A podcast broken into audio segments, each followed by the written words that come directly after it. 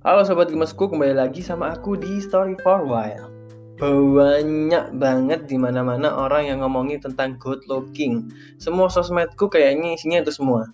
Bahkan aku main di clubhouse juga yang dibahas ini lagi, ini lagi. Sumpah tahu dengarnya. Capek juga aku dengan pembahasan generasiku sendiri ini. Apa sih itu namanya? Gen Z. Gen Z itu lah. Kalian tahu nggak sih? Anak muda di negara lain itu udah pada serius belajar udah pada praktikum luar negeri, terus apalagi penelitian baru, punya prestasi akademik di sekolahnya. Lah anak Indonesia masih galau karena merasa dirinya nggak ganteng atau cantik. Habis itu nangis, habis itu ketiduran, lupa cuci muka. Gimana mau good looking kalau kayak gitu? Jadi gini, di Indonesia sendiri secara nggak langsung di masyarakatnya itu memprioritaskan yang cakep daripada yang pas-pasan. Iya nggak? Misalnya lowongan kerja, selalu ada tulisan berpenampilan menarik. Itu diskriminatif sekali kan ya.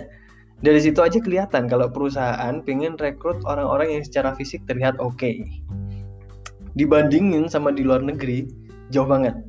Sejauh ini belum pernah aku lihat lowongan kerja yang diskriminatif, kecuali kalau emang lowongan kerjanya jadi SPG atau bintang iklan gitu ya semuanya di sini dilihat dari pengalaman, dilihat dari CV dan juga emang kualitasnya itu. Kalau dia niat kerja dan punya skill ya itu yang dipilih. Aku berani bilang gini karena emang aku ini lagi tinggal di Jerman coy. Itu. Ini sebenarnya ini sebenarnya yang harus kita pikirkan, bukan malah memperdebatkan pentingnya good looking apa enggak. Good looking itu penting kalau kamu mau jadi entertainer, kalau kamu pengen jadi selebgram, youtuber, artis, dan lain-lain itu karena kamu menjual visual di sana. Lah kalau kamu daftar jadi manajer atau teknisi misalnya, mana ada pentingnya visualitasmu? Memang benar, gak ada di dunia ini yang mau terlihat jelek kan? Yang gak ada di dunia ini itu yang yang mau terlahir jelek maksudnya. Aku kalau dilihat-lihat sebenarnya juga gak ganteng-ganteng amat sih.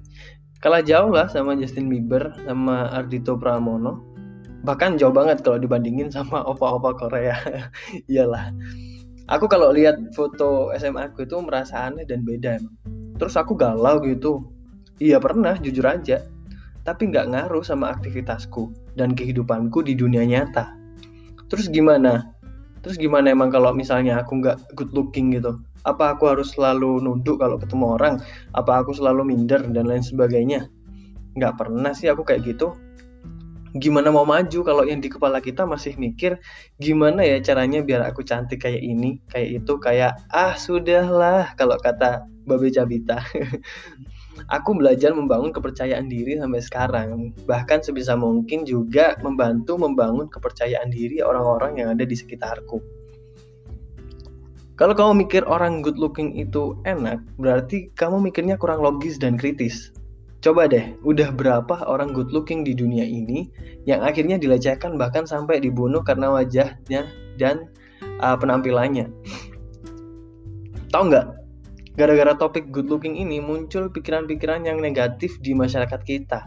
Misal ada yang lulus skripsian cepat dibilang ngerayu dosen, ada yang dapat kerja gampang dibilang main belakang sama bosnya. Ya lah lah capek tau gak bahas ginian udah ya cukup mungkin ya bahas kayak gini bosen banget dengarnya tau gak Lagian kalau misal satu Indonesia ganteng dan cantik semua, emang ngaruh sama perekonomian Indonesia? Emang ngaruh sama apa namanya kesejahteraan rakyatnya? Nggak juga kan? Udah lah ya, fokus sama kelebihan dan apa yang kamu punya sekarang. Kalaupun misal toh kamu merasa nggak good looking, seenggaknya ada sesuatu hal lah yang bisa dibanggain. Misal kamu pintar di salah satu bidang gitu. So, cukup sampai sini dulu ya. Thank you banget buat sobat gemes yang udah dengerin. Sampai jumpa di podcast selanjutnya. Bye bye.